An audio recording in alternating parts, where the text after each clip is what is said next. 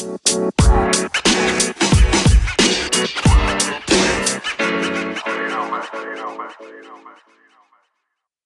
back again with the Journal of Criminology Indonesia podcast.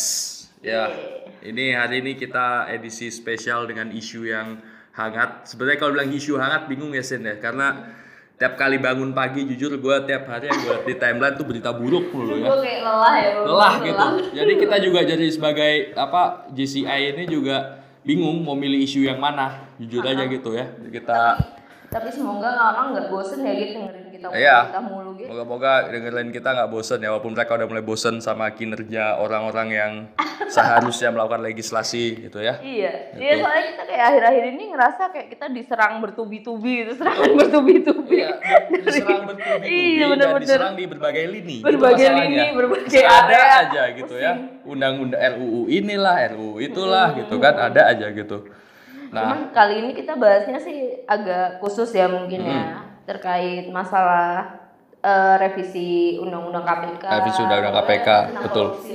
Ya, jadi sebenarnya lebih ke ini ya, lebih ke semangat pemberantasan korupsi ya. Jadi biar, biar apa namanya orang-orang yang merasa mungkin apa namanya eh, pro dengan RUU KPK ini apa ya eh, banyak argumen mereka adalah jangan mengkultuskan KPK atau semacamnya gitu ya. Jadi kalau ya lebih baik kalau menurut gue sekarang kita bicara tentang semangat pemberantasan korupsi itu sendiri. gitu. Tapi sejujurnya gue tuh belum 100% kayak in love sama KPK gitu yang kayak bener-bener 100% gue apa menolak RU apa revisi undang-undang KPK gitu. Ya. Kalau gua dibilang apa ya? Karena belum in love ya, oke. Bagi gua kalau apa namanya memang yang penting betul semangat pemberantasan korupsi instead of KPK-nya sebagai ini ya, sebagai badan gitu.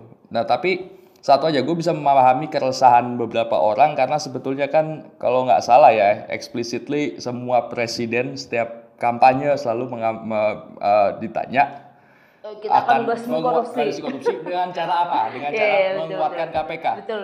Kalau mungkin saja kalau mereka beliau-beliau ini dari awal nggak ngomong begitu, mungkin protesnya nggak sebesar ini kali ya. Mungkin dia kalau dia berani bilang saya akan memberantas korupsi dengan cara saya sendiri, nah gitu ya mungkin. Tapi takutnya nggak pilih kayak ya. Fahri mungkin. Hamzah. Ah iya itu. Setahun gue habisin Setahun korupsi. bisa, gitu ya. Ah, ah, Ya, ya. jadi tapi kita kan ini apa ya anaknya sosokan aja ya. Kan Sosokan kan aja, gitu. ini nggak paham sebenarnya. Nggak paham sama ada sekali. ada yang lebih paham. Saya cuma nge-retweet retweet doang biasanya. Iya, gitu, ada yang gitu. lebih paham nih. Paham gitu ya, ya. kita sekarang sih sebenarnya udah ada spesial banget ya ini kita diterima deh. Ah, sama sama orang yang benar-benar yang mumpuni benar-benar nih. ngerti ya, yang benar-benar ngerti gitu. Jadi eh, kita langsung perkenalkan saja kali ini narasumber Ada kita Mas ada Mas Kurnia, dari, selamat dari ICW. dari ICW Indonesia, Indonesia Corruption Watch. Oke, Ya, halo. selamat datang Oke. Mas Kurnia di Digisian Iya. Makasih loh Mas. Makasih, kita Mas, ya. ini Iya, loh. Dari sekian banyak media-media yang lebih mumpuni, Mas mau juga ngomong sama kita. saya Iya. Padahal udah seringnya nonton di TV ya. Oh, udah sering ya di TV, Gila di ini media-media yang lebih established gitu ya. Iya, orangnya humble gitu. banget. Established. Kita apalah baru berapa episode ya, Ge? beberapa episode nggak reguler juga gitu. Nggak ada bayarannya juga, Ge. Gak ada bayarannya juga. Gratisan. Ya, gratisan lagi. Ya Allah, iya jadi gini Mas, nih gimana sih Mas sih revisi UU KPK ini? Walaupun kita di luaran kan udah banyak dengar tuh, Iya. wah kita dilemah KPK dilemahin, KPK dilemahin gitu. Cuman kan emang ternyata banyak yang kalau di bahasanya banyak nggak paham, banyak yang nggak baca dan kita yakin nih Mas pasti baca gitu. Coba berhubung bisa sedikit apa ya ngejelasin lah ke Uh, kita yang lebih dalam sebetulnya apa yang Iya. sedang terjadi sekarang Oke. ini sih gitu. hmm, apa sih aja. gitu. Iya, Mas. jadi memang kalau kita bicara KPK memang selalu menarik ya, dinamis dan juga selalu mengundang perhatian publik gitu loh. Sehingga ketika ada banyak isu eh, sekarang baik persoalan capim dan lain-lain, apa ya mungkin bisa dibilang eh, menggugah hati publik sehingga publik ingin tahu lebih jauh. Ka- Kita pandang di tahun 2019 sangat banyak sekali isu yang justru terlihat bertolak belakang gitu loh dengan semangat pemberantasan korupsi kalau tadi disebut di awal ya. Misalnya yang pertama, tahun 2019 menjadi tahun akhir kepemimpinan pimpinan KPK sekarang, Agus Raharjo CS. Bulan 12 mereka selesai dan bulan 5 kemarin sudah mulai dibentuk uh, oleh presiden panitia seleksinya. Ada 9 orang dan memang ketika kita melihat komposisi dari pansel itu sendiri, kita justru meragukan mereka akan berhasil memilih pimpinan KPK yang kredibel. Dan itu terbukti hari ini dugaan kita lima komisioner terpilih banyak catatan buruk mungkin bisa kita katakan seperti itu, minim sekali integritas. Itu isu pertamanya. Lalu isu kedua persoalan legislasi. Karena kan serangan kepada KPK kan paling sering melalui serangan legislasi, baik itu diinisiasi oleh DPR ataupun diinisiasi oleh pemerintah itu sendiri. Hari ini setidaknya ada tiga regulasi yang kita pandang cukup krusial bagi pemberantasan korupsi di masa yang akan datang. Yang pertama misalnya soal rancangan kitab undang-undang hukum pidana yang katanya dibilang uh, buku suci hukum hukum pidana kita. Kita pada dasarnya tidak pernah menolak uh, perancangan kitab undang-undang hukum pidana ya, tapi klausul soal tipikornya itu yang bermasalah. Hukuman penjaranya lebih ringan, dendanya juga lebih ringan. Tapi nanti kita akan mungkin kita akan bahas lebih jauh ya. Oke. Gila ini serius banget sih, gue Iya, kayak makanya. lagi nonton di LC atau. Mata Najwa gitu. Gitu kayak gue kayak rasanya langsung berada di ini di bawah banget gitu. Iya gitu. Jadi langsung bingung nih. Gua langsung bingung, gua ya. ya? Gitu. Apa? Gak apa Ge, gak apa. Santai. Kita jadi kita yang panik ya Ge ya kalau iya, wawancara kayak gitu, gini gitu. nih. Bukannya ini ya DPR yang panik. Bukan, bukan kita, kita. Wawancara gitu. Lalu poin ketiganya soal revisi undang-undang KPK. Ini yang paling banyak menyita perhatian publik karena sebenarnya isu ini kita bilang sudah isu usang ya. Karena ICW mencatat perubahan revisi undang-undang KPK ini sudah bergulir sejak 2010. Tapi karena masifnya perlawanan dari masyarakat sehingga rentang waktunya jadi sangat panjang perlawanannya. Dan hari ini sudah disahkan dengan seluruh pasal yang bermasalah, dengan seluruh pasal yang kajian akademiknya sangat minim, sehingga kita kemarin mengusung tagline KPK shutdown. Karena regulasinya diperlemah, capimnya, eh, pimpinannya juga diperlemah. Poin terakhirnya soal itu tadi, revisi undang-undang pemasyarakatan.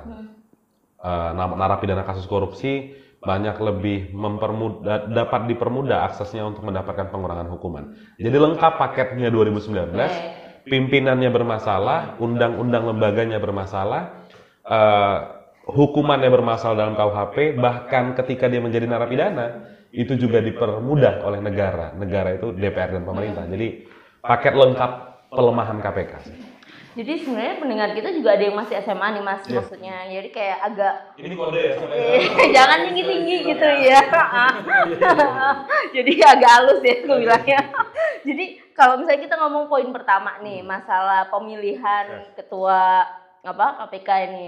Kita nggak usah ngomongin lima orang lah kebanyakan gitu kan. Kita ngomongin si eh, ketuanya yang dibilang bahwa ada yang salah nih dia memiliki eh, track record yang tidak baik gitu kan. Nah kalau seandainya kita cari juga cuman apa ya track record yang tidak baik itu kan agak susah menemukan. Karena kita harus ngetrack itu sampai ke belakang banget. Karena itu kan kejadiannya bukan kejadian di tahun ini kalau nggak salah tahun Iya. berapa ya itu? Tahun 2018, 2000 iya 18 tahun kemarin lah nah itu kan biar agak memudahkan teman-teman untuk catch up sama informasinya itu tuh Iya. apa sih track record buruk yang dibil- di ini dipunya sama ketua yang sekarang Ada dua sebenarnya indikator utama kita menilainya. Yang pertama soal integritas, yang kedua tentang rekam jejak.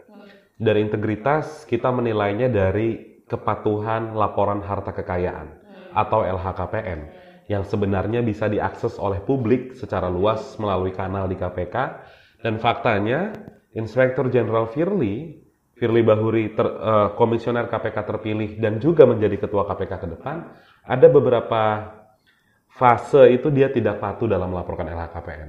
Sehingga yang kita pertanyakan adalah apa standar negara ketika negara menseleksi pimpinan lembaga anti korupsi? Jika isu LHKPN saja mereka terlewat atau mungkin membiarkan figur-figur yang tidak eh, patuh. Padahal kalau kita berbicara soal kepatuhan LHKPN itu kan merupakan perintah undang-undang begitu. Jangan dia menjadi pimpinan KPK pasti akan dipermasalahkan dan kalau kita tarik lebih jauh lagi, kenapa institusi Polri mencalonkan? Kalau toh tahu dia tidak patuh dalam melaporkan LHKPN. Poin keduanya terkait dengan rekam jejak. Pak Firly ini kan eh, sebelumnya pernah menjabat sebagai Deputi Penindakan KPK. Jadi sebenarnya KPK bukan lembaga baru bagi eh, Pak Firly gitu loh. Tapi ketika dia eh, disangka melakukan dugaan pelanggaran kode etik dan sebenarnya ICW juga yang melaporkan dia ke KPK, prosesnya panjang, proses pemeriksaannya, tapi ketika dia mau diputus oleh KPK tentang dugaan pelanggaran kode etik, justru Polri mengirimkan surat kepada KPK untuk menarik kembali Irjen Firly. Sehingga saat itu Firly dipromosikan menjadi Kapolda Sumatera Selatan. Yang kita pertanyakan juga adalah orang yang sedang diperiksa di KPK, kenapa justru ditarik, malah justru dipromosikan menjadi Kapolda. Saat itu pelanggaran kode etik apa yang dilaporkan Nah, sama pelanggaran kode etiknya yang kita eh, pantau, Pak Firly itu bertemu dengan salah satu kepala daerah, Tuan Guru Bajang, Gubernur Nusa Tenggara Barat, yang mana TGB ini sedang dalam penyelidikan di KPK. Pelanggarannya apa? Dalam Undang-Undang KPK dan Peraturan Internal KPK, setiap insan pegawai KPK dilarang berhubungan langsung atau tidak langsung dengan pihak-pihak yang sedang ada perkara di KPK.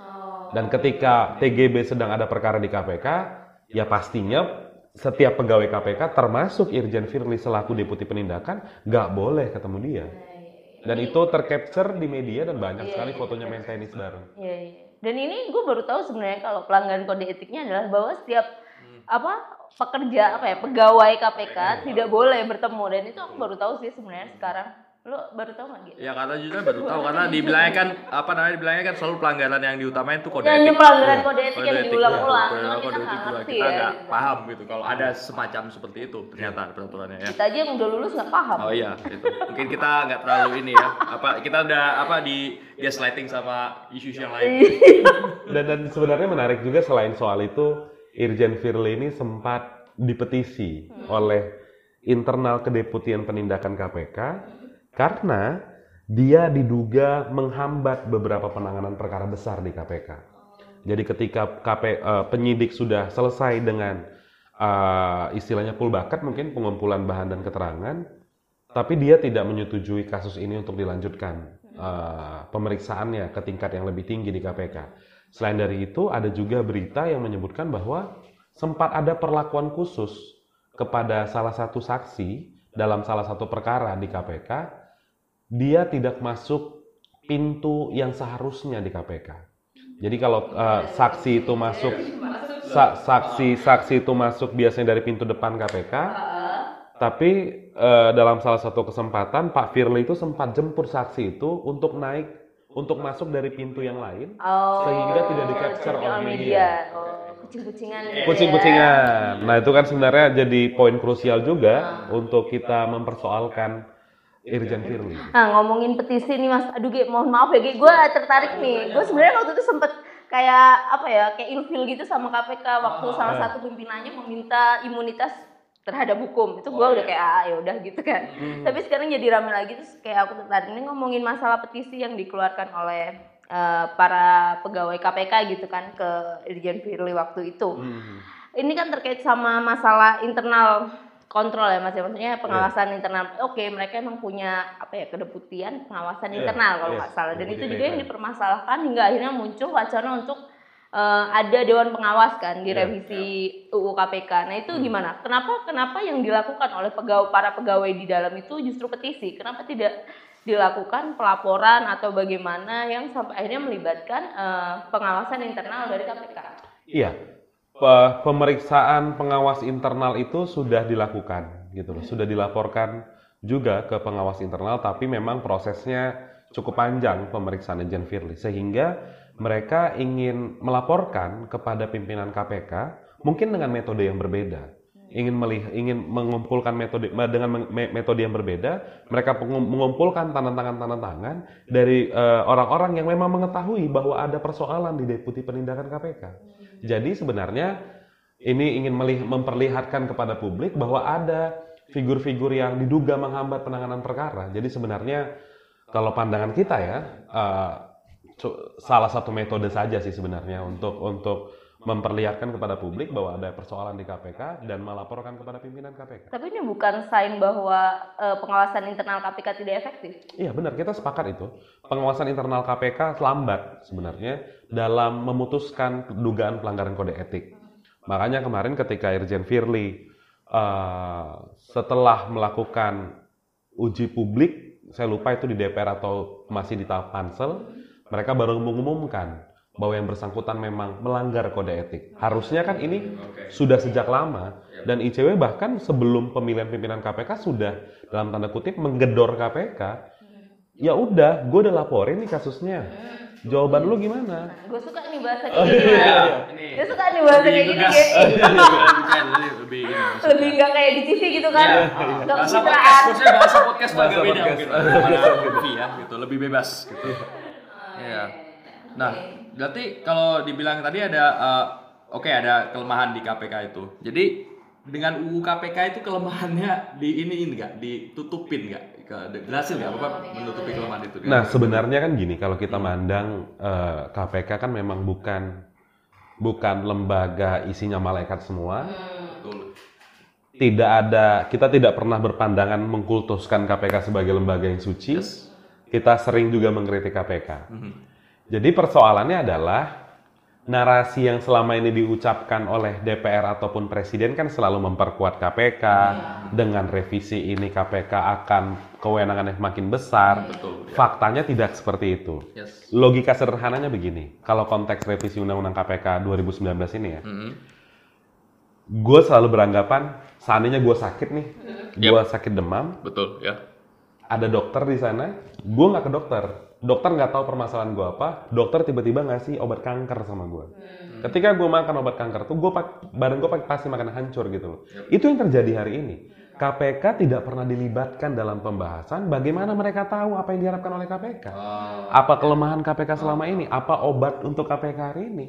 Jadi narasi penguatan mereka kita pandang apa ya? Ya lu cuman halusinasi doang ngomong kayak gitu. Karena lu nggak tahu kondisi realnya seperti apa. Itu itu makanya kemarin pimpinan KPK mengembalikan mandat kepada presiden karena mereka udah bingung. Ya.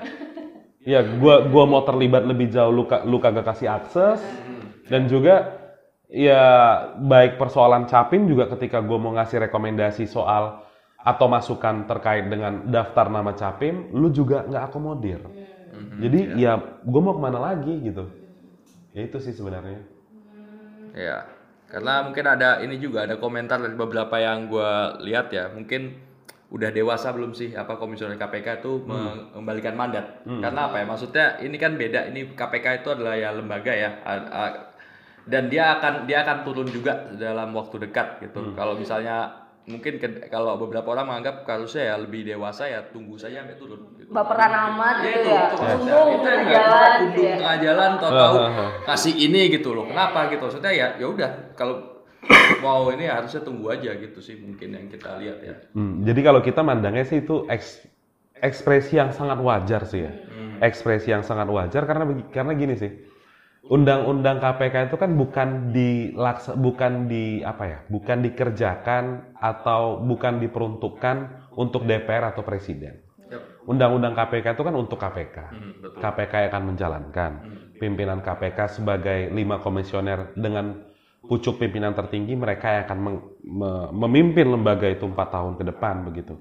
Sehingga kita menganggap ya wajar mereka kayak gitu, wajar mereka mutung, wajar mereka kesel dan itu sebagai pesan aja kepada publik dan juga pesan kepada presiden. Ya kalau Pak Presiden selalu bilang itu ranahnya legislatif, Ya. Gua akan sepakat dengan narasi itu ketika kita pandang Jokowi sebagai kepala pemerintahan. Tapi Jokowi itu kepala negara dan dia harus memastikan lembaga negaranya berjalan dengan baik dan proses bernegaranya juga dengan baik. Salah satunya dengan pembentukan peraturan perundang-undangan ya harus aspiratif dong kepada lembaga negara yang akan menjalankan. Ini standar ganda sebenarnya karena beberapa undang-undang dibahas, misalnya soal undang-undang Bank Indonesia, itu bahkan DPR itu mengundang Bank Indonesia membuat daftar inventarisir masalah sama dengan bareng dengan BI. Lah kok sekarang berbeda gitu loh. Ya. Itu sih Jadi sebenarnya. artinya ada kok ada perbedaan perlakuan gitu ya Benar. dengan dengan undang-undang yang dengan apa pembuatan RUU yang lain Benar. gitu ya. kita, kita ngomongin undang-undang kan sebenarnya kita juga belum bahas nih paket yang tadi dibilang sama eh, Mas Kurnia Ya. paket lengkap Hmm. kelemahan KPK gitu kan dimulai dari revisi undang-undang KPK Hmm. sebenarnya pasal mana kalau misalnya disuruh memilih Mas kalau misalnya ayo Mas coba pilih dari semua pasal yang bermasalah di dalam revisi undang-undang KPK pasal mana yang paling paling paling melemahkan KPK yang paling wah kacau banget ini ini kacau banget gitu. Iya, kalau di catatan kita sih sebenarnya ada 15 poin krusial. ya iya aku sih pasti sudah menduga akan banyak. Makanya gue suruh milih satu nih habis kita. Gue coba ngambil tiga deh. oh ya oke tiga ada boleh tiga, jadi ada tiga poin besarnya sebenarnya. Yang pertama ke, pembentukan dewan pengawas. Selama ini selalu dinarasikan KPK lembaga tanpa pengawasan dengan kewenangan yang besar. Padahal pandangan kita pengawasan KPK sudah berjalan. Hmm. walaupun lambat tadi itu ya Pengawasan internalnya melalui uh, pengawasan internal tadi de- deputi PIPM tadi. Walaupun memang mandat dan memang PR kita untuk mendorong KPK agar cepat menangani perkara-perkara di internalnya. Lalu terkait dengan kalau di Undang-Undang KPK disebutkan KPK itu bertanggung jawab kepada presiden, publik, DPR, dan BPK dalam konteks keuangan. Bahkan untuk DPR diberikan kewenangan selanjutnya pada saat pengajuan hak angket kalau ingat 2017. Mereka menang putusan di MK dan berarti KPK bisa one day bisa diangket sama DPR gitu loh. Selain dari itu, siapa sih yang ngawasin penindakan KPK? Kalau pandangan kita, yang ngawasin penindakan KPK adalah institusi kekuasaan kehakiman. Kalau once lu ditetapkan sebagai tersangka, yang ngawasin eh, kinerja KPK, lu bisa pra peradilan. Apakah Prapit KPK selalu menang? Enggak, pernah kalah. Di Budi Gunawan, Hadi Purnomo, Setnov, itu pernah menang pra peradilan. Setelah itu, kalau lu merasa dibawa ke persidangan menjadi terdakwa dan lu ngerasa lu nggak bersalah, forum pembelaannya di persidangan tipikor. Dan faktanya hari ini, sejak KPK berdiri, belum ada satupun terdakwa yang difonis bebas. Ada satu, tapi lepas, bukan bebas. Berarti kan dakwaan KPK sejak KPK berdiri itu kan terbukti semua di persidangan. Lah kok untuk apa lagi Dewan Pengawas gitu loh. Dan secara teori juga sebenarnya kalau KPK itu kan lembaga negara independen. Tiga cabang ke kekuasaan yang diutarakan ya selama ini kita belajar soal teori Montesquieu gitu loh. Itu kan sebenarnya berbeda di negara-negara lain. Negara-negara lain udah nggak mengenal itu lagi. Mohon maaf mas, Montesquieu apa mas? ini jangan lupa nih, jangan lupa yang yang dengerin bukan anak hukum semua, bukan anak hukum. Jadi ada filsuf yang mengatakan bahwa pembagian tiga cabang kekuasaan, eksekutif, legislatif, yudikatif. Tapi di negara-negara lain sudah tidak mengenal itu lagi. Ada lembaga negara independen. Nah inilah seperti KPK. Dan di negara mana pun tidak mengenal konsep pembentukan Dewan Pengawas. Tapi yang dikenal adalah bagaimana lembaga negara independen ini membangun sistem pengawasan. Nah itu ada di Deputi PIPM. Dan persoalan penting di Dewan Pengawas ini, mereka ini akan dipilih oleh presiden. Lima orang akan dipilih oleh presiden. Dan parahnya lagi, mereka akan menentukan persoalan izin penyadapan, izin penyitaan, izin penggeledahan KPK. Lah, mereka ini bukan lembaga penegak hukum Dewan Pengawas ini gitu loh. Mereka bukan part of KPK gitu loh. Kenapa mereka diberikan izin untuk itu? Selain dari itu, soal penyadapan. Tadi Dewan Pengawas pertama, kedua penyadapan. Penyadapan KPK kan menjadi alat tempur utama KPK nih. Kalau KPK melakukan OTT dan lain-lain gitu loh. Selama ini kan tidak ada izin dari pihak mana pun karena itu kan apa ya implementasi dari korupsi dikategorikan sebagai extraordinary crime. Sehingga treatment treatmentnya harus khusus. Sehingga mereka tidak dibutuhkan izin dan faktanya juga OTT KPK semua terbukti di persidangan. Data KPK sejak KPK berdiri sudah 123 kali OTT 400-an orang sudah ditetapkan sebagai tersangka. Jadi Sejak pertama berdiri, Undang-Undang 2002, KPK berdiri 2003. Praktis 17 tahun. 16 jalan 17 tahun. Nah, penyadapan kita pandang kalau harus melalui jalur birokrasi izin Dewan Pengawas, maka prosesnya akan makin panjang. Berpotensi bocor. Bagaimana kalau Dewan Pengawas yang mau disadap? Itu kan nggak diatur lebih jauh gitu loh. Lagipun sebenarnya agak susah kita kalau mau menggunakan konsep pengawasan logika DPR dan pemerintah ini. Karena nanti timbul pertanyaan gini, KPK siapa yang ngawasin? Dewan Pengawas. Nanti ke depan akan muncul pertanyaan, siapa yang akan mengawasi Dewan Pengawas? Siapa yang akan mengawasi? Iya, we will watch the watcher jadinya. Nah itu kan sebenarnya, ini sebenarnya yang yang yang sulit kita terima gitu loh, soal Dewan Pengawas, penyadapan, dan SP3. Surat Perintah Penghentian Penyidikan. Mereka sering bangun narasi gini. Ergelino itu sudah ditetapkan tersangka lebih dari tiga tahun. Iya, betul. Kenapa lu lama banget giring Ergelino ke persidangan? Ya. Banyak lagi perkara-perkara lain yang dianggap mandek atau tunggakan perkara. Ya. Kita sendiri, cewek sendiri, sering kali teriak kepada KPK, lu percepat dong kasus-kasus itu. Kasus Garuda juga belum. Senturi juga lama gitu. Ya, ya. Tapi bukan dengan instrumen SP3. Karena SP3 ini sudah pernah dipersoalkan di MK. Sudah ada putusan MK yang menyebutkan bahwa ya KPK memang tidak berwenang mengeluarkan SP3 agar KPK bisa lebih berhati-hati dalam mengkonstruksikan perkara gitu loh. Pertanyaan lalu timbul, lalu gimana kalau tetapkan tersangka ternyata buktinya kurang? Di putusan MK itu sudah ada. KPK harus tetap melimpahkan ke persidangan dan menuntut bebas orang itu dengan dasar tidak dengan dasar kurangnya alat bukti. Sudah ada putusan, tapi itu belum pernah dilakukan oleh KPK gitu. Itu yang menjadi PR bagi KPK. Itu juga mendorong. Lah kalau memang Ergelino itu atau kasus-kasus lain buktinya kurang, lu terapin aja yang di putusan MK. Itu legal kok. Lu tuntut bebas, maksudnya lu harus berani juga mengkoreksi tindakan yang salah. Kan itu poin pentingnya. Sehingga kita pandang nggak butuh SP3 gitu. Itu sih. Jadi Dewan Pengawas, penyadapan, SP3. Ketiga. Kalau disuruh milih ya dari 15 ya. Iya, terus 15. Enggak, enggak mas, habis waktu mas 15. Surat Iya. milih.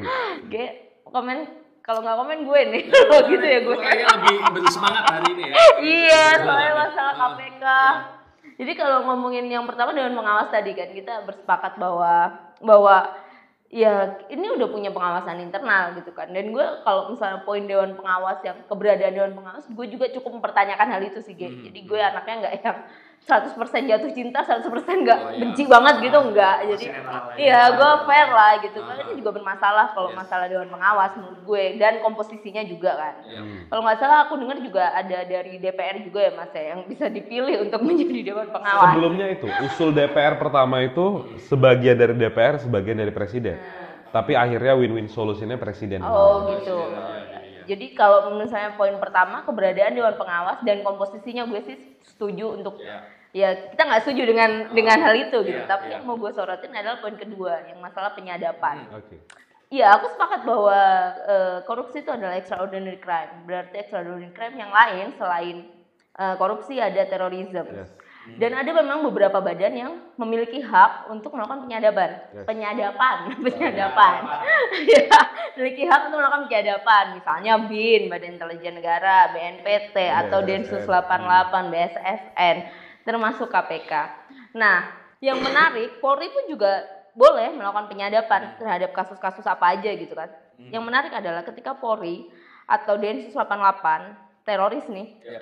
Eh, mau melakukan penyadapan, dia akan meminta izin pada eh, kejaksa, Ketua eh, ketua pengadilan atau jaksa, Ya. ataupun mereka melakukan gelar perkara yang dihadiri oleh Irwasum, Inspektorat Pengawasan. Nah, setelah itu mereka baru melakukan penyadapan. Yes.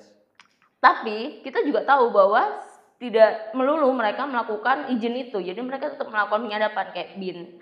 Eh, kayak bahkan teroris juga gitu, teror kasus terorisme juga. Cuman yang jadi perbedaan di sini ketika KPK melakukan penyadapan yang juga tanpa izin, bahan dari hasil penyadapan itu bisa dijadikan alat bukti di persidangan. Oke. Sedangkan kalau di Polri, eh, di Densus, di mana ya di BIN, Ya. Karena mereka tidak melalui izin, Ya. maka bahan itu tidak bisa disajikan menjadi alat bukti di Oke, buat persidangan. jadi lead aja lah ya untuk melakukan tindakan. kan? Iya, nah jadi itu cuma buat ngelit doang, ngelit pertanyaan gitu kan. Nah kan ini kan jadi ketimpangan kan, loh. Iya. Ini gimana? Walaupun kita tahu bahwa emang butuh nih undang-undang masalah penyadapan di semua organisasi. Nah itu sebenarnya gimana tuh mas? Masalah penyadapan kan kita sama ini juga nggak tahu apakah benar. Itu kan juga loh. Terus gimana dong penyadapan KPK gitu kan? Iya. Kok dia eh, kita kasarnya seenaknya aja dia bisa langsung penyadapan Hmm. terus oh ini ada nih dapat udah jadi alat bukti gitu kan Hmm. sedangkan yang lain kan nggak kayak gitu eh, proses atau prosedurnya untuk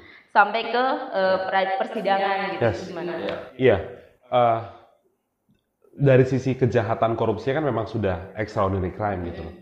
Kenapa KPK diberikan kewenangan luas? Karena KPK juga lembaga khusus yang menangani tindak pidana korupsi. Sehingga treatment-treatmentnya juga diberikan keleluasaan agak sedikit menyimpang dari KUHAP gitu loh. Kalau KUHAP kan harus izin dan lain-lain. Nah, persoalannya sebenarnya adalah penyadapan ini pernah diajukan di Mahkamah Konstitusi, di GR. Nah, putusan MK saat itu mengatakan bahwa penyadapan KPK termasuk lawful interception, berarti penyadapan yang legal. Tapi tidak tepat jika penyadapan diatur di dalam undang-undang. Tapi harus dengan undang-undang. Jadi harus dibentuk undang-undang khusus karena memang benar tadi kata lu bilang tadi kalau penyadapan nggak hanya KPK, jadi harus ada satu aturan khusus yang memang uh, menjabarkan soal itu. Tapi sambil menunggu undang-undang ini berjalan, uh, berlaku, KPK tetap boleh melakukan penyadapan. Kemenkom Info dulu mengaudit penyadapan KPK. Tapi sejak putusan, kalau gue salah 2008, putusan MK-nya, Kemenkom Info stop audit KPK. Kenapa Kemenkom Info stop audit KPK? Karena perintah MK harus ada undang-undang penyadapan. Jadi sebenarnya PR-nya bukan ada pada KPK, PR-nya ada pada pembentuk undang-undang. Kenapa DPR dan pemerintah belum mengesahkan rancangan undang-undang penyadapan. Lalu mereka akan bilang, gue udah hafal template-nya. Mereka akan bilang tuh, loh ketika gue buat undang-undang penyadapan, lu selalu tolak. Ya karena isinya bermasalah. Kalau isinya fine-fine aja, ya kita oke-oke aja gitu loh. Memang itu perintah MK dan harus gitu loh. Jadi bukan persoalan penyadapan KPK-nya yang salah. Kalau tadi cerita soal alat bukti, karena kan memang perbincangan terkait dengan kejadian kejahatannya, yang mau dijadiin alat bukti di persidangan. Ya pasti kalau lembaga-lembaga lain itu tidak mem, meng, tidak sesuai dengan undang-undang, dia tidak izin, pasti buktinya sudah ditolak secara formal di persidangan gitu. Karena KPK punya kekuasaan untuk itu, kalau gue nggak salah di pasal 12 Undang-Undang KPK tentang penyadapan, yaitu dibenarkan oleh persidangan. Persoalannya adalah eh, penyadapan KPK yang di luar dari eh, perkara itu kan memang tidak pernah juga diungkap KPK di persidangan. Kalaupun pernah dianggap orang, karena gini nih, ada misalnya ada lima part penyadapan yang untuk mengkonstruksikan kejahatannya. Di part ketiganya ini ada per, ada perbincangan yang tidak terkait dengan perkara. Kalau part tiga dibuang, ini akan hilang puzzle-nya gitu loh. Jadi konstruksinya jadi nggak akan lengkap gitu loh. Sehingga part tiganya juga disampaikan di persidangan untuk membuat lengkap ini nih puzzle-nya puzzle kejahatannya lengkap untuk membuktikan dia di persidangan. Jadi itu sih persoalannya ya. Karena, soal penyadapan. Karena itu juga kan, makanya muncul dewan pengawas itu kan. Karena itu juga muncul dewan pengawas karena mereka menganggap penyadapan KPK nggak ada yang audit. Benar nggak ada yang audit. Karena lu juga yang lama buat undang-undang penyadapannya. Jadi bukan nggak mau diaudit atau apa pun ya sebetulnya ya karena yang tugasnya memberikan peraturan untuk mengaudit itu dari awal memberi peraturan yang nggak benar gitu ya bisa bilang gitu ya. Ah. Jadi kayak seakan-akan si KPK ini kalau gue lihat tuh jadi sebenarnya dia kayak tertutup tapi sangat terbuka gimana tuh ya? Iya kan? Iya kan sebenarnya dia tertutup banget nih. Sering kena jadi kayak kena framing aja Ya, gitu. gimana ya? Kayak Jadi kesannya kayak KPK banget, tapi nggak- kayak terbuka. Nah, betul betul. Makanya gue bingung kalau ada orang yang mengatakan bahwa KPK itu lembaga super body gitu loh. Gue gue bingung lembaga super body dari mana gitu loh. Penyidiknya nggak sampai 150. Kantornya cuma satu di Jakarta. Anggarannya cuma 800 sampai 900 miliar. Kalau lu bandingin dengan penegak hukum lain, penyidiknya ada ribuan. Kantornya sampai kecamatan. Tapi kenapa yang justru dipersoalkan adalah tunggakan perkara di KPK. Orang kan sering bilang nih kalau di daerah nih, Mana KPK kasus korupsi di daerah gue kagak diusut-usut nih. Misal di daerah ini, let's say misal Ambon gitu loh. Lah lu lupa, Polda Ambon kan ada. Kejaksaan Ambon ada, kenapa lu kagak persoalin itu? Karena mereka punya kewenangan juga untuk itu. Nah, jadi masyarakat masih menganggap seluruh tindak pidana korupsi itu harus dikerjakan oleh KPK. Padahal KPK itu kan konsepnya trigger mechanism. KPK hadir supaya lembaga penegak hukum lain perform dengan baik. Nah itu yang menjadi PR juga bagi KPK sih hari ini. Iya. Karena sebenarnya juga sebenarnya walaupun ini kan kita tahu bahwa kan sebenarnya ada batas minimal ya Mas ya. Misalnya Yes. kasus korupsi senilai berapa sih yang bisa ditangani KPK dan Iya. kasus bera- senilai berapa yang ditangani oleh Polri gitu. Iya. Ada batasannya itu batasannya berapa Mas? Pasal 11 Undang-Undang KPK itu nyebutin gini, KPK berwenang menangani tindak pidana korupsi yang melibatkan pertama penyelenggara negara, penegak hukum atau swasta yang terlibat di antara penyelenggara negara ataupun penegak hukum itu pertama. Lalu yang kedua, kerugian negara minimal 1 miliar. Yang ketiga, mendapatkan perhatian publik yang luas. orang sering bingung nih misalnya. Ada OTT nih, 100 juta lah korupsi receh kenapa KPK yang KPK yang nangkap itu kan cuma 100 juta suapnya. Nah orang sering lupa yang di state di undang-undang KPK itu kerugian negara minimal satu miliar. Suap kan gak ada kerugian negara. Tapi masuknya di poin pertama tadi penyelenggara negara penegak hukum. Jadi kalaupun lu suap 50 juta gubernur, lu bisa ditangani KPK karena ada terlibat gubernur di situ. Masuk di isu penyelenggara negara. Jadi gitu sih sebenarnya. Nah itu DPR tuh pernah buat, kalau gue nggak salah ya, mereka pernah buat revisi undang-undang KPK yang menaikkan tingkat kerugian negara minimal KPK jadi 50 miliar. Oh, wow. Oh, jadi baru 50 kan baru boleh turun. Jadi di bawah 50 miliar KPK nggak boleh M- nangani. mungkin biar kayak ini, kayak katanya sih itu, kalau misalnya semakin sedikit yang Oh, ya, ditangkap, semakin sedikit berarti ditangkap artinya semakin bersih. semakin- Nah itu maksud gue, orang, orang, orang sering bilang gini, orang sering bilang gini kan, KPK ada kok tiap hari ada korupsi gitu loh. Kalau pandangan gua, ya udah lu tutup itu rumah sakit gitu loh. Ya. Rumah sakit ada, yang sakit juga makin tiap hari ada kok gitu kan nggak logikanya kan nggak gitu gitu loh. Ya berarti kan kalau ada eh, berarti proses pengawasan dan penindakan hukum di Indonesia lumayan berjalan nih ada KPK nih. Iya, iya. Gitu. Gitu sih. Jadi, nah ini juga ini ya, apa namanya? Salah satunya tadi itu eh, perbandingan sama luar negeri. Nah, beberapa orang suara-suara paling vokal dalam eh, yang mendukung bahwa K- RUU KPK ini suka membandingkan ini sama yang terjadi di luar negeri. Oke. Jadi kalau nggak salah yang gue pernah dengar yang tadi di Korea Selatan. Itu yang berkali-kali diulang-ulang kan. Katanya eh, ada sistem yang berbeda dengan KPK atau di Hong Kong. Di Hong Kong itu juga punya dewan semacam dewan pengawas ya. Namanya itu ICC atau apa. Itu itu complaint center or something gitu kan kalau salah. Nah saya mau tanya ini. Jadi sebenarnya itu apakah suatu suatu ya apa penjelasannya gimana sih kalau pernah nggak melakukan apa perbandingan dengan KPK dan kasus di luar negeri sana gitu? Yang pertama pasti nggak apple to apple ya. Secara kelembagaan iya sama-sama lembaga anti korupsi. Tapi kan sosiologis negara itu kan berbeda gitu loh. Tingkat kejahatannya berbeda sehingga nggak pas kalau kita bandingin. Tapi memang lumayan berbeda. Kalau Korsel kan sering diomongin soal konsep pencegahannya. Ya. Kalau pencegahannya IPK-nya jadi turun, eh, IPK-nya jadi naik dan lain-lain gitulah. Nah, pandangan kita gini sih sebenarnya. Kalau kita mengacu pada dua lembaga anti korupsi yang sering menjadi rujukan, ICAC Hong Kong atau CPI di Singapura, ada salah satu konsep baik mereka yang belum kita terapkan. Dan itu menjadi problematik hari ini gitu. Soal penyidik independen. Kalau di sana tidak ada satupun penyidik yang berasal dari institusi penegak hukum. Yang pertama soal loyalitas ganda. Yang kedua soal yang memang korupsi yang paling besar itu di hampir di beberapa negara itu ya di, di tubuh penegak hukum.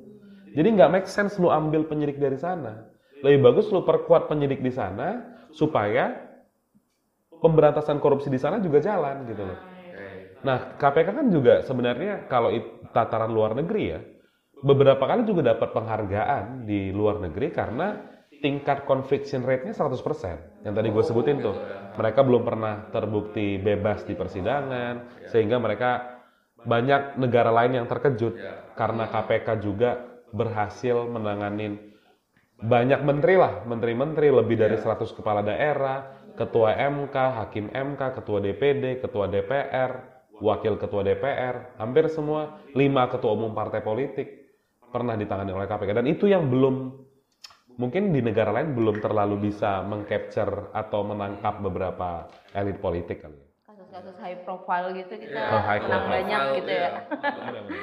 Terus yang yang ketiga nih Mas masalah SP3. Ini kan sama tadi sih kaitannya sama masalah ini udah ditetapkan tersangka tapi bisa sampai tiga tahun gitu kan. Oke alasannya emang loh kan kita masih dalam proses, ini masih lama segala macam. Tapi kan itu kalau balik lagi sama eh, apa ya pandangan sosiologi yang lain bahwa loh nggak fair dong kalau sampai tiga tahun dengan track record gue yang tetap buruk, yang gue nggak tahu nih terbukti salah atau enggak karena belum melalui persidangan. Tapi gue tetap menyandang nam apa eh, label Label label bahwa gue adalah tersangka Ya. tersangka belum koruptor kan belum persidangan Ya. kan gue tersangka Saka. Tapi ya sampai itu lima sih maksudnya sih, tahun. apa namanya orang pasti kalau lu kena korupsi, lu bakal langsung tersa kalau lu apa didakwa kena korupsi gitu, apa sebelum didakwa maksudnya, itu pasti lu bakal disebut koruptor. Iya, nggak sih? gue tersangka nih. Ah, tersangka. Terus gue udah tiga tahun gitu kan. Ah, Terus tiga gue tahun gue mau ke mana-kemana kan Betul. susah karena label gue tersangka Yes. gitu kan. Padahal gue belum melalui persidangan secara adil gitu. Iya. Kecuali kalau gue udah oke gue seperti bersalah gitu kan kan belum. Kan sebenarnya itu yang dipermasalahkan di permasalahan SP3 kewenangan SP3 gitu kan. Nah itu gimana mas? Karena kan kalau misalnya kita bilang loh nanti kan bisa si KPK eh, apa diputus bebas aja, tapi kan sejauh ini selama ini kita nggak punya Iya. batas maksimal penetapan tersangka ya, gitu. Belum ada kali ya untuk Oh, oh. ya, aturan-aturan. Hmm, kayak di luar aja kalau misalnya pembunuhan eh, batas waktunya 10 tahun gitu. Yes. Setelah 10 tahun maka ditutup kasusnya. Betul, betul. Kita kan nggak ada di situ ada untuk itu. masalah korupsi. Gitu tuh gimana Mas? Karena itu kan juga Iya. bermasalah kalau menurutku sih. Contoh realnya sebenarnya di kasus Setia Novanto ya. Ketika ditetapkan sebagai tersangka, dia melawan dengan pra peradilan, dia menang prapitnya, tersangkanya lepas gitu. Jadi kalau ada pihak-pihak yang merasa bahwa penetapan tersangka itu bermasalah, tinggal prapit aja. Kalau soal Erjelino misalnya, dia pernah prapit dan dia kalah di prapit gitu loh. Jadi memang proses pengumpulan barang bukti KPK mungkin butuh waktu ya. Dan anehnya lagi sebenarnya dalam konteks SP3, dalam draft pengesahan Undang-Undang KPK yang baru, ada limitasi waktu 2 tahun. Gue berpikiran gini sih, setiap penanganan perkara atau setiap kejahatan memiliki tingkat kerumitan yang berbeda. Kalau lu modal OTT, lu tinggal sadap, lu buka di persidangan, orang itu bersalah, difonis, selesai persoalan. Tapi gimana kalau kita berbicara soal kejahatan yang transnasional gitu loh. Berbeda negara, kasus Garuda misalnya. Dia berhubungan dengan pengadilan dengan Inggris dan misalnya kita misalnya sederhananya kita belum ada MLE, mutual legal assistance atau kerjasama timbal balik hukum pidana itu persoalan pertama. Persoalan kedua kita belum tentu dapat akses yang baik dari negara itu untuk pengumpulan barang bukti, sehingga butuh waktu yang lama memang. Iya.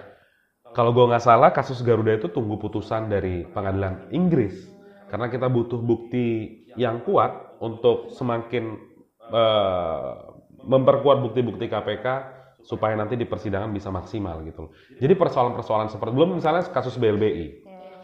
Kasusnya udah lama, pengumpulan buktinya juga lama. Kasus IKTP, mereka harus keliling Indonesia untuk ngecek beberapa server, bahkan penghitungan kerugian negara IKTP itu butuh waktu 2 sampai 3 tahun. Jadi persoalannya kompleks, nggak bisa kita bayangan gue ya, nggak bisa kita uh, batasi dengan waktu tertentu gitu loh. Kecuali misalnya orang itu udah meninggal atau mi- ah itu mis- ah itu, itu kan sebenarnya kan sempat dipersoalkan kan Ah, yang meninggal dunia. Ya itu memang kalau kita bicara eh, hukum kan memang kalau orang meninggal udah nggak bisa lagi gitu loh. Tinggal bagaimana negara melalui jaksa pengacara negara, lu gugat tuh perdata kerugian negaranya itu kan masih memungkinkan gitu loh. Jadi nggak tepat menurut gua SP3 apalagi ditambah dengan pembatasan waktu 2 tahun gitu. Oh. Jadi caranya kalau misalnya emang lo merasa ini ada yang salah, ya bukan bukan memberi kewenangan SP3 ya, tapi, Iya, lo tapi bisa lu pra prapit. peradilan. ah, ah. Makanya prapit itu kan jadi salah satu apa ya? Salah satu instrumen pengawasan yang memikirkan atau keberpihakan soal HAM-nya tinggi gitu. Ya karena lu tapin tersangka kadang-kadang seenaknya penegak hukum, subjektifnya Yes, penegak hukum. itu. Ya makanya lu bisa prapit gitu dan itu dijamin di KUHAP. Apalagi pasca putusan MK-nya eh, BG kemarin kan, penetapan tersangka jadi salah satu objek pra peradilan. Gitu sih. Iya, jadi gimana ya? Tapi mungkin gini aja sih Mas Kurnia. Jadi eh, masih di ini masih di ini ya, kita masih ngomongin tiga pasal itu ya. Ya apa tiga pasal bermasalah itu paling ya. Karena mungkin gue cuma mau nanya aja ini. Eh, ini satu satu hal lagi yang sering jadi yang sering diangkat sama orang-orang yang menganggap pro dengan revisi RUU KPK itu soal pencegahan atau mungkin eh, pengertian gue adalah pembelajaran pem- pembelajaran anti korupsi itu yang agak itu yang mungkin agak apa namanya mungkin belum terlalu diekspos karena sekali biasanya KPK itu pasti terekspos kalau ada OTT kalau ada apa namanya penangkapan atau ada yang lain-lain gitu dan itu contohnya kalau gue lihat ya waktu ada katakanlah waktu ada demonstrasi yang masa yang eh, pro RUU KPK, mereka nggak tahu apa-apa kan. Itu memang kelihatan konyol karena mereka bilang pro tapi nggak tahu apa-apa. Tapi di sisi lain kalau gue lihat di situ artinya pembelajaran anti korupsi masih susah men- eh, susah mengenai ke beberapa kalangan gitu. Nah itu gimana? Apa counternya dari yang menurut Mas sendiri gimana eh, baik itu yang udah dilakukan KPK dan akan dilakukan KPK mungkin ya? Iya soal pencegahan Soal ya. pencegahan itu. Iya, kalau soal pencegahan memang ini kan bukan isu yang mudah untuk ditangkap oleh media utamanya ya. Karena banyak orang bilang ya tidak menarik lah, lebih menarik soal ada OTT, penetapan tersangka dan lain-lain persidangan. Tapi jauh dari itu sebenarnya eh, kerja pencegahan ini kerja yang nggak mudah pertama, lalu yang kedua nggak nggak akan terlihat efeknya sekarang gitu loh. Efeknya tapi nanti misalnya soal memasukkan kurikulum anti korupsi ke sekolah-sekolah. Selain dari itu, mereka juga kalau gue nggak salah buat buat board game untuk anak-anak soal anti korupsi, eh, bikin film, lagu. eh, da- tapi kalau dalam konteks yang agak lebih gede, pengelolaan gratifikasi, laporan harta kekayaan penyelenggara negara ini kan masuk domainnya dari si pencegahan gitu loh. Dan bagaimana mereka bisa memastikan bahwa aset-aset negara ini tidak tidak apa ya tidak tidak diselewengkan gitu loh. Kita bisa lihat data KPK kalau gue nggak salah ya 2018 itu mereka berhasil nyelamatin berapa di atas 5 triliun gitu loh aset negara dalam konteks pencegahan. Tapi kan masyarakat ya nggak aware dengan ini gitu loh. Karena nggak nggak menarik sama sekali gitu loh. Nggak ada dalam tanda kutip drama yang ada gitu loh. Tempatnya beda kalau dengan konteks penindakan. Jadi memang poin gua adalah pencegahan memang eh, cukup sulit untuk publik tangkap. Dan ini sebenarnya menjadi PR juga sih bagi KPK gimana lu campaign soal pencegahan bisa dimakan nih oleh publik nih? Jadi jangan hanya lu ngomongin penindakan doang. Ya bagaimana lo mempackaging pencegahan jadi bisa dikonsumsi oleh mungkin bisa dibilang generasi milenial saat ini mungkin. Sebenarnya G, ini yang menarik. Sebenarnya tahun 2009 kalau nggak salah ya, tahun berapa ya? 2009 KPK pernah kita punya acara kriminologi punya acara dan kita kerja sama sama KPK saat itu. Apa ya namanya pekan krim gitu. Cuman gue lupa temanya. Jadi itu emang sama KPK dan itu emang kalau bahasa kita kekinian banget J. Iya oke lah. Pada masa itu gue maba gue maba. 10 tahun yang lalu. Iya 10 tahun yang lalu. Waktu itu sih lumayan keren. Jadi kayak dia nyediain kayak apa ya warung kejujuran yang gitulah. Itu kan di kampus gitu kan. Gue lupa acaranya selain seminar segala macam. nah itu kan sebenarnya juga bagian dari pencegahan. Jadi ketika bilang bahwa enggak ini nggak ada pencegahan nah, gue secara secara ya gue menolak lah. Orang gue ngerasain sendiri saat itu gitu kan. Ya, tapi berapa berapa sih anak kriminologi ya? Gue aja nggak tahu nih. Nah, gue baru gue masuk 2010 loh. Iya, kan nah, itu junior aja. gue Ada band-band juga kalau nggak salah. Iya, mereka ada buat band- konser ada band- konser musik juga ya. Kalah, maksudnya kalah loh. Kalau gue ya, gue bandingin aja ya. 2009 KPK bikin begitu. 2011 kita Oh, anak iya. kriminal 2010 bikin salah satu apa eh, lembaga anti teror yang membuat itu peace building dan itu gede banget kalau dibilang waktu itu. Itu jauh lebih gede. Maksudnya itu per- berbandingan gitu maksudnya. Misalnya mungkin ya gue paham kali ya kalau misalnya orang memang lebih suka ngelihat ini ya apa namanya pemadam kebakaran ngemademin api daripada waktu penyuluhan penyuluhan ke rumah-rumah gitu mungkin Iya, kurang betul, gitu ya. kalau dibilang bisa bilang gitu sih. Tapi mungkin nggak sih ada masih masih bisa nggak sih apa namanya di udah terlambat belum? Kalau kita mau apa mengcounter lagi soal apa pencegahan itu. Jadi bisa membuatnya lebih masif lagi lah itu untuk itu. Ya, itu menjadi PR bagi KPK sih ya. eh, gimana misalnya mereka bisa eh nge-packaging soal gratifikasi misalnya. Gratifikasi apa-apa yang dilaporkan mereka, eh, laporkan orang juga juga LHKPN dan lain-lain gitu loh. Karena pada dasarnya sih itu yang paling sering, lah bahkan sekarang konteks konteks kontekstual hari ini adalah ada kesan bahwa eh, komisioner terpilih atau proses seleksi pimpinan KPK mengarahkan KPK itu ya udah lu main di pencegahan aja lu nggak usah main di penindakan gitu. Bahkan statement dari Jokowi sendiri presiden sendiri mengatakan bahwa pemberantasan korupsi itu tidak bisa diukur dari banyaknya orang di penjara, tapi sejauh mana aset recovery-nya bisa maksimal gitu loh. Dan itu menjadi kita sepakat tapi bukan berarti kita menegasikan soal penindakan gitu loh. Ini kan harus berjalan bersamaan gitu loh. Karena pemberant efek jerah pemberantasan korupsi itu adalah bayangan gua kombinasi kalau di penindakan ya kombinasi antara vonis penjara yang maksimal dan aset recovery yang juga maksimal gitu loh. Jangan sampai kita rugi gitu loh. Lu nyolong 100 miliar, duit kagak balik, lu divonis 10 tahun, uang pajak gua untuk ngasih makan lu. Kan itu logika sederhananya gitu. loh. Uang itu harus kembali. Nah, itu masalah soal yaitu soal penerapan pencucian uang itu yang jadi PR KPK sekarang juga. Tapi kalau dilihat nih Mas, sejauh ini ya, apa yang KPK lakukan antara pencegahan dan penindakan lebih berat mana? Maksudnya mungkin dari segi anggaran atau mungkin dari segi personil atau mungkin dari segi kegiatan atau event atau tindakan gitu. Sebenarnya kan kita bisa lihat sebenarnya saat ini hingga hingga saat ini hingga tahun ini eh, fokus KPK itu ke mana? Atau jangan-jangan sebenarnya memang fokusnya ke penindakan maka dari itu bidang pencegahan tidak ke capture sama masyarakat atau publikasinya kurang, misalnya kayak gitu. Kalau menurut gue sih masih berjalan beriringan ya, tapi memang PR mereka adalah gimana buat pencegahan itu jadi menarik. Nah itu sih sebenarnya lebih ke situ sih ya. Tapi kalau kita lihat data-data soal pencegahan mereka, so far sih oke ya. Bahkan eh, aset recovery mereka juga tinggi dan menyelamatkan beberapa aset juga bagus. Dan juga gini sih kalau soal pencegahan. Orang sering ngomong gini, eh, kalau KPK itu kerja, harusnya KPK itu pencegahannya jalan, nggak ada lagi dong eh, korupsi-korupsi di tubuh pemerintahan.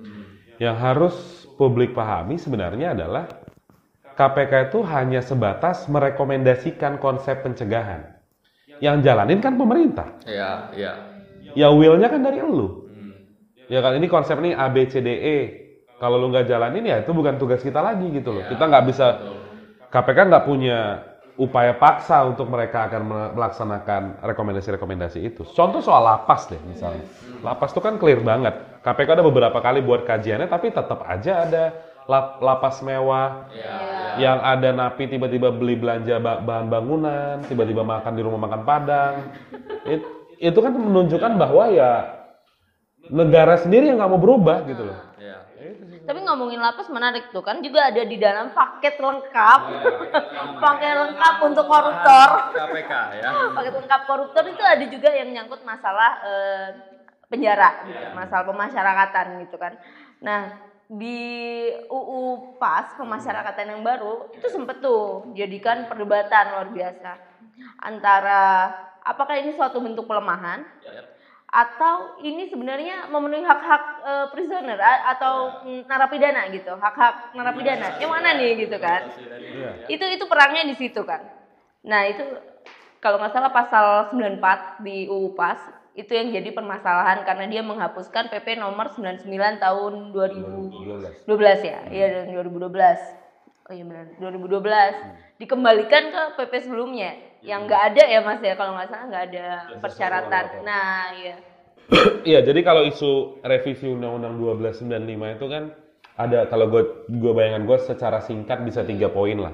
Yang pertama soal hak dari tahanan, yang kedua soal pembebasan bersyarat, lalu yang ketiga yang paling buat heboh remisi.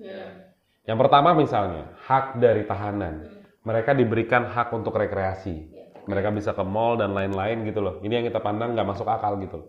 Karena gini, kalau kita berbicara tahanan berarti kan belum masuk persidangan atau sudah masuk persidangan tapi belum masuk di lembaga pemasyarakatan. Kan ada batas limitasi waktu untuk tahanan. Kalau gue nggak salah 120 hari. Memang benar 120 hari itu hak sebagian hak lu tuh dirampas untuk negara. Makanya lu jadi tahanan. Kalau lu tetap dikasih hak rekreasi itu bukan tahanan lagi namanya. Ya lu sama kayak kita aja gitu loh. Terus apa fungsi tahanan? Harusnya kan memang hak-hak rekreasi dan lain-lain itu ditarik karena ada konsekuensi sangkaan kejahatan yang lu terima gitu loh. Sambil nunggu nanti lu masuk di persidangan gitu loh. Nah, itu poin pertamanya. Soal hak rekreasi dan lain-lain. Poin keduanya soal pembebasan bersyarat. Dalam RUU PAS terbaru tidak KPK tidak dilibatkan secara institusi untuk memberikan rekomendasi apakah orang ini tepat atau tidak diberikan pembebasan bersyarat. Ini kita pandang keliru. Kenapa? Karena pada dasarnya yang tahu soal kejahatan yang dia lakukan, perannya seperti apa, kontribusi keterangan seperti apa, kan bukan la- lapasnya. Bukan Kalapas, bukan Dirjen Pas, bukan Kemenkumham. Tapi penegak hukumnya, KPK yang tahu. Sehingga harusnya KPK dilibatkan lebih jauh soal ini gitu. Poin ketiga soal remisi. PP 99 2012 itu menyebutkan bahwa narapidana kasus korupsi boleh mendapatkan pengurangan hukuman, boleh berkelakuan baik, menjalani hukuman beberapa uh, tiga per empat. Tapi lu harus jadi justice kolaborator. Lu harus berkontribusi atas kejahatan itu. Kalau lu nggak dapet itu nggak boleh. Itu syarat spesial hanya Itu untuk syarat spesial untuk napi korupsi. Napi teroris ada lagi syarat spesialnya. Nah, persoalannya adalah dalam revisi Undang-Undang PAS itu benar kata lu tadi berusaha untuk menghilangkan PP 99 sehingga JC tidak berlaku lagi. Bisa kita bayangkan setiap tahun itu momen lebaran, momen Natal, momen 17 Agustus itu banyak banget orang dapat remisi. Apalagi kalau JC-nya nggak dipenuhi. Ya kita kalau kita bilang istilah kita sih ya negara akan obral remisi. kalau kita bicara semangat anti korupsi justru sebenarnya loh kita kan GC kan sangat justice kolaborator kan sangat sangat membantu untuk mengungkapkan suatu kasus gitu kan. Jadi gua boleh ngasih lu pengurangan hukuman, tapi lu harus kontribusi. Apa kontribusi lu? Kalau lu nggak ada ya nggak boleh. Itu konsep extraordinary crime tadi gitu loh. Bahkan treatmentnya, penghukumannya juga harus spesial. Gitu. Jadi siapa nih antek-antek lo gitu kan? Kalau mau bebas nih, lo mau bebas gitu kan? Kasih dong lead buat kita. Iya siapa aja nih gitu kan. Nah, tapi yang menarik adalah masalah rekreasi. Itu sebenarnya gue juga sempat baca sih masalah ini. Jadi apakah benar yang kita maks yang Mas Kurnia maksud sebagai rekreasi itu pergi ke mall? Ataukah sebenarnya rekreasi kita misalnya olahraga adalah termasuk kegiatan rekreasi? Karena di di masalah eh, koreksional kan gitu. Jadi masalah pemasyarakatan tuh itu bahwa olahraga itu adalah kegiatan rekreasi. Main Baca game buku misalnya. adalah kegiatan rekreasi. Main game nggak boleh kan nggak boleh bawa handphone di lapas. Game kan ada yang offline juga. Ya tetap nggak boleh kan nggak boleh nggak boleh bawa handphone mau offline main catur rekreasi. Offline game lo, gua nggak bilang handphone. Oh iya, iya. gue sekarang mindset gue kalau main game di handphone nih gimana? Itu dia tuh. Dia main catur, gue gue bilang deh main catur. Main permainan. Itu adalah rekreasi. itu adalah rekreasi. Itu kan gimana? Sebenarnya kan apakah benar? Kan selama ini yang digaungkan di luar adalah ini salah satu yang aku sebenarnya juga agak nggak setuju dengan narasi bahwa rekreasi itu oh mereka boleh ke mall gitu kan tidak. Bahwa rekreasi itu kegiatan-kegiatan yang refresh, yang merefresh orang karena kan mereka sudah di penjara, di dalam ditahan dengan waktu yang sudah saklek schedule-nya begini-begini begini. Maka biar nggak stres tuh dan memenuhi hak-haknya sebagai manusia, mereka butuh rekreasi nih. Nah, hak rekreasi. Tapi yang dimaksud rekreasi ya belum tentu juga untuk pergi ke mall gitu. Karena memang langsung orang entah siapa yang memulai saya nggak tahu juga ya. Iya, Soalnya iya. yang sering saya Kalau lihat. nggak salah ada fraksi apa ya waktu itu yang ngomong, wah berarti ini koruptor bisa pergi ke mall, tapi gue lupa fraksi apa tuh. Atau mungkin bagi dia dia rekreasinya Nah kalau bentuk menurut gue rekreasi. gitu sih mas, jadi kayak sebenarnya eh, konteks rekreasi sendiri nih, karena masa ngomongin rekreasi itu juga sebenarnya udah dari lama. Maksudnya Iya. ada di di dalam konteks pemasyarakatan ya, ngomongin rekreasi itu bukan hanya untuk napi korupsi, tapi juga napi-napi yang lain. Nah, kalau konsepnya adalah olahraga, konsepnya refresh dalam arti untuk kesehatan dia, itu kan memang sudah ada di lapas kita gitu loh. Mereka kan dari jam-jam tertentu mereka boleh olahraga segala macam. Tapi kok ya kita susah nggak seuzon dengan Berarti berarti lo sepakat ya bahwa ini adalah keseuzunan keseuzunan orang-orang menduga bahwa rekreasi juga itu berdasarkan fakta sih maksudnya. Iya. Gimana kalau rekreasinya pergi ke Ragunan? Zaman dulu kan rekreasi Ragunan. Karena susah ya, eh, ini udah sebenarnya konsep, misalnya kita bicara soal PAS ya, pemasyarakatan, lembaga pemasyarakatan. Kasus lapas sel mewah kan bukan isu baru sebenarnya. Pertama bukan isu baru, yang kedua ini kebetulan aja lagi ada KPK OTT, jadi kita bisa ngelihat langsung. nih. Pertanyaan gue gini, banyak di eh, na- naj- mata Najwa kemarin kita ngelihat semua tuh. Ada yang tiba-tiba ada sepeda kesehatannya di kamarnya, ada yang tiba-tiba kamarnya bagus banget. Gue kadang bingung kalau kalau ada orang ngekos, ini yang di penjara nih gue apa lu nih gitu. karena karena iya, ada iya kan ada ada hiasan-hiasannya, ada ada bathtubnya dan lain-lain. Nah, sanksi ke mereka apa? Apakah hukuman mereka ditambah? Nggak mungkin. Hukuman berdasarkan vonis pengadilan. Pertanyaan gue adalah, apakah orang seperti Setia Novanto, Nazarudin, lu apa, Lutfi Hasan Ishak kemarin, OC Kaligis yang bawa laptop, tetap dapat remisi atau enggak? Harusnya kan enggak. Karena berkelakuan baik itu sudah luntur karena lu bawa-bawa barang ke sel itu. Itu kan logika sederhananya. Jadi kalau ditambah lagi hak rekreasi dan lain-lain, suzon gue makin tinggi gitu loh. Jadi gue nggak akan percaya narasi narasi narasi mereka yang bilang bahwa hak rekreasi ini cuma sekedar olahraga. Olahraga udah ada ngapain lu tambahin hak rekreasi? Selama ini mereka olahraga kok. Mereka tuh tahanan-tahanan di KPK itu kalau pagi kalau gue nggak salah mereka senam.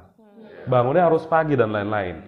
Dan memang PR pas kita adalah soal pengawasan, pengawasan dan punishment kepada kalapas-kalapasnya.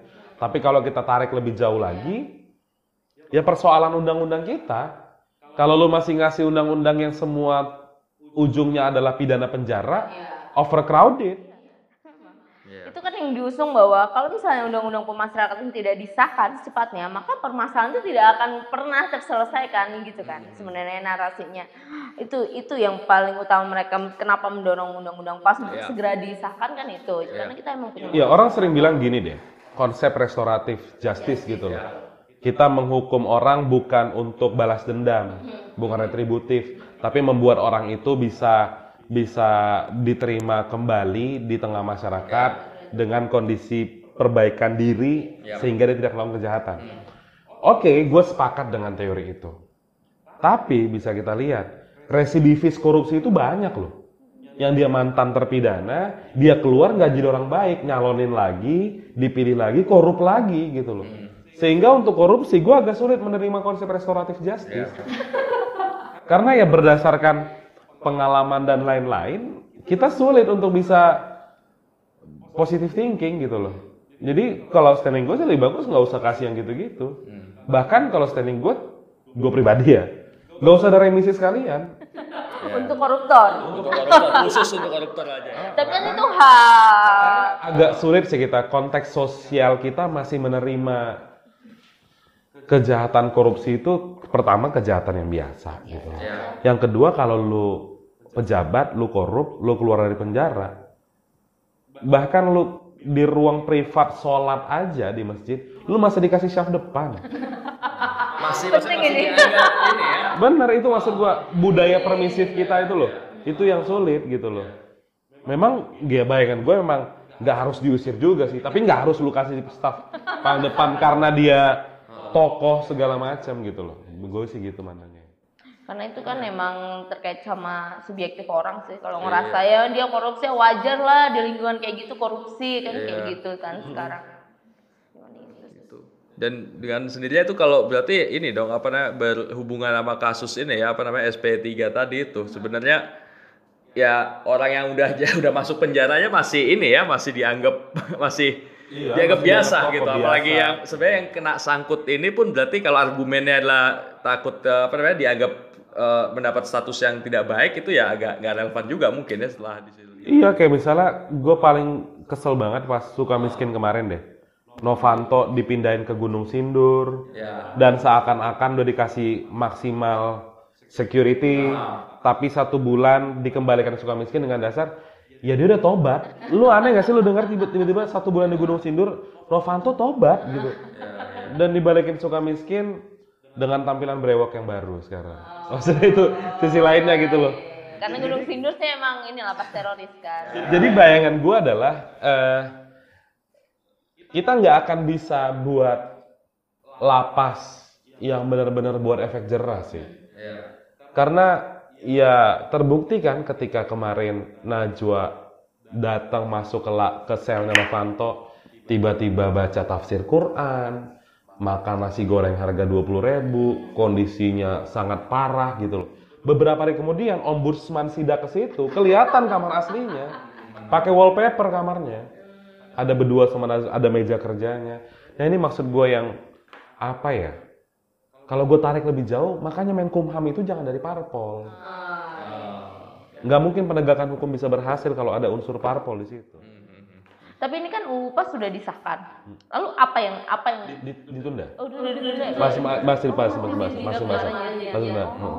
Jadi setelah eh, demonstrasi itu mereka mengatakan bahwa akan ditunda dan ini, dan ini kebiasaan dari pemerintah sebenarnya menganggap bahwa menunda menyelesaikan masalah menunda itu kan one day itu bisa tiba-tiba disahkan gitu standing lo harus jelas lu tolak apa lu terima Lalu apa yang bisa dilakukan sebenarnya? Dalam dalam jeda penundaan ini kan ada satu pasal yang sangat berpengaruh terhadap eh, semangat anti korupsi kita nih di pasal 94 UPAS yang penge- yang pengembalian ke undang-undang yang lama PP yang lama. Iya. itu apa sih sebenarnya yang bisa dilakukan?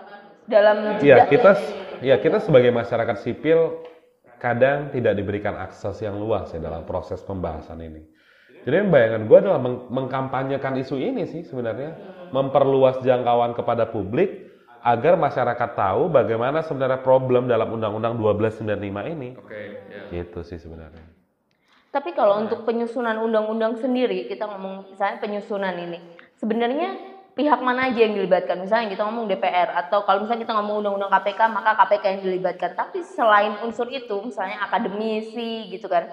Di Naskah undang- akademik. Nah, naskah akademik dan juga kayak kayak tim apanya ya itu maksudnya? Yang kayak tim- ada iya. orang-orang tim akademisnya, ada. heeh.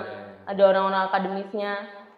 Nah, itu sebenarnya kalau misalnya kayak NGO atau misalnya kayak ICW atau NGO-NGO lain yang bergerak di eh, areanya sendiri-sendiri itu ada ada ini nggak sih? Ada peran nggak sih untuk untuk support atau untuk ikut menyusun atau dilibatkan lah dalam konteks pembuatan undang-undang? Harapannya seperti itu ya.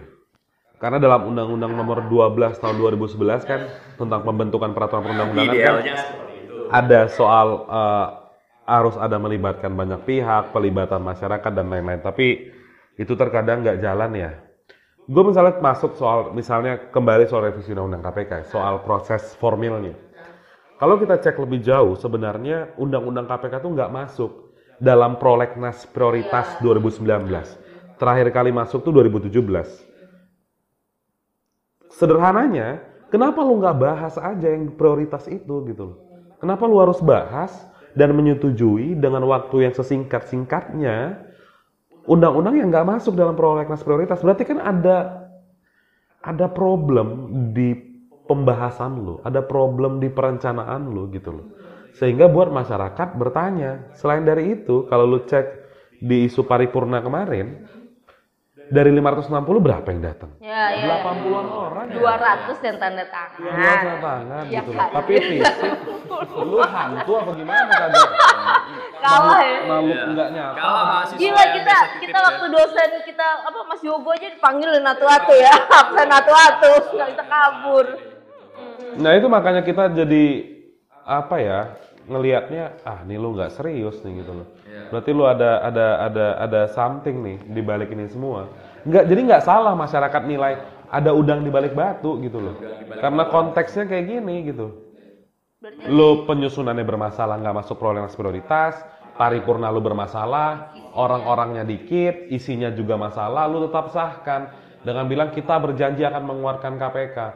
Gua berani bilang bahwa hanya satu kali dalam lima tahunan DPR nggak akan ganggu KPK.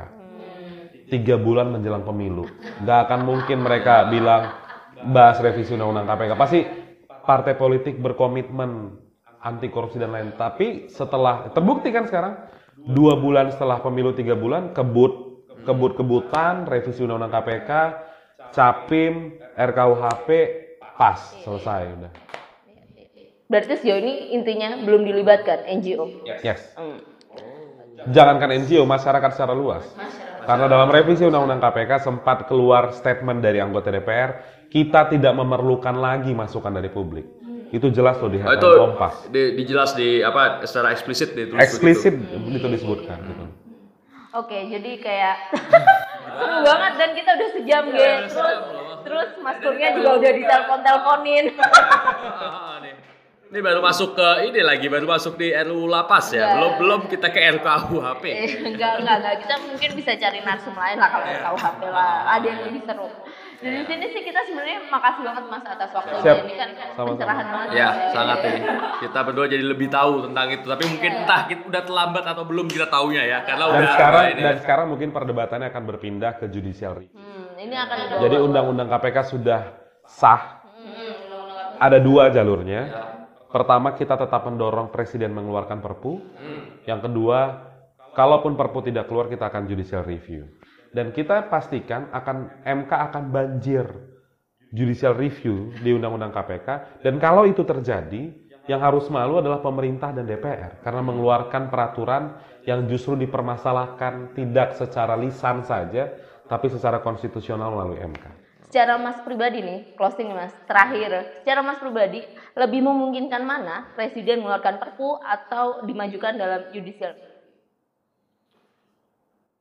Iya, tadi sore statement Presiden memang masih menimbang isu perpu, tapi kok gue kurang yakin ya dia akan mengeluarkan perpu ya dengan kondisi hari ini ya. Jadi memang yang yang sudah pasti akan dikerjakan adalah judicial review. ICW sendiri sedang menyiapkan beberapa bahan untuk judicial dan ini penting sebenarnya untuk ya pendengar podcast lah untuk untuk untuk me- mengawal proses eh, sidang di MK gitu. Karena ini menjadi pertaruhan terakhir persoalan masa depan KPK. Dan masa depan anti korupsi secara keseluruhan ya sebetulnya Indonesia. Oke. Luar biasa ya. Ternyata lebih seru daripada cuma ngeliat timeline ya, ngobrol langsung sama expertnya. Iya, iya. Eh tau gak sih ini dari tadi sih sebenarnya Mas Kurnia itu buka laptop, tapi nggak digerak-gerakin dan dia sebenarnya udah hafal. Jadi dia cuma cover doang. Parah. Gue masih nyontek-nyontek nih tadi pertanyaan gue apa ya gitu.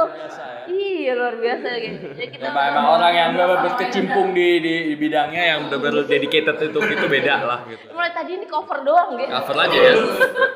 Gambarnya apa itu kalau boleh tuh? Oh, undang-undang. Undang-undang, ya. Iya, iya. Iya. iya. Oke kalau gitu gini aja sih eh, buat penutupan ini eh, kan nggak eh, kita ambil tanggal 26 ini ya sini. Tanggal 26 September kita nggak tahu kapan ini akan dipost tapi ya moga secepatnya dan moga-moga waktu kalian udah bisa dengar podcast ini keadaan udah lebih baik ya dan, Dan perpu sudah keluar. Oh, lama. Oh, nggak mungkin kayaknya, Mas. Ini terlalu lama perpu keluar. itu nggak mungkin. itu itu agak susah ya nggak mungkin ya tapi ya moga-moga seenggaknya udah keadaan lebih baik lah daripada waktu 26 September lah ya gitu. Kenapa kita bikin podcast tentang ini juga, Ge? Jangan sampai kita itu ikut-ikutan demo, ikut-ikutan di timeline di mana pun dong, gitu, ah cabut UU KPK gitu kan. Iya. Tapi kita nggak tahu apa sih sebenarnya masalahnya. Iya. Gitu kan. Tapi gue lihat ini lebih bagus ya Sisin karena ini jadi orang-orang jadi lepas dari you know fandom fandom mereka atas capres-capres tertentu atau idola tertentu gitu loh. Kalau ketika ada apa namanya kontroversi ini Dan ini yang menyatukan mereka. Bagaimana bagaimana menyatukan cebong dan kampret di isu revisi Heeh. cebong, kampret, K-popers. Hanya DPR yang bisa menyatukan kita. Luar biasa ya. Shout out for DPR. Keren keren, keren banget kalian. Oke Mas, gitu aja paling eh, obrolan kita malam ini. Makasih banget gue yang makasih sama-sama. Gratisan, udah mau malam-malam nyepetin waktu. Iya. Oke, yaudah akhir kata thank you banget yang udah dengerin. Yang bagi yang punya apa namanya mau menanggapi podcast kita atau mau ya mau kontak-kontak ya udah itu bagian gua aja. Mau kontak-kontak kita silahkan apa follow di at the underscore JCI GCI di Twitter atau Instagram dan juga dengarkan podcast-podcast kami lainnya di Spotify dan platform-platform lainnya. Oke, sampai jumpa lagi di episode selanjutnya. Dadah. You know, man. You know, man.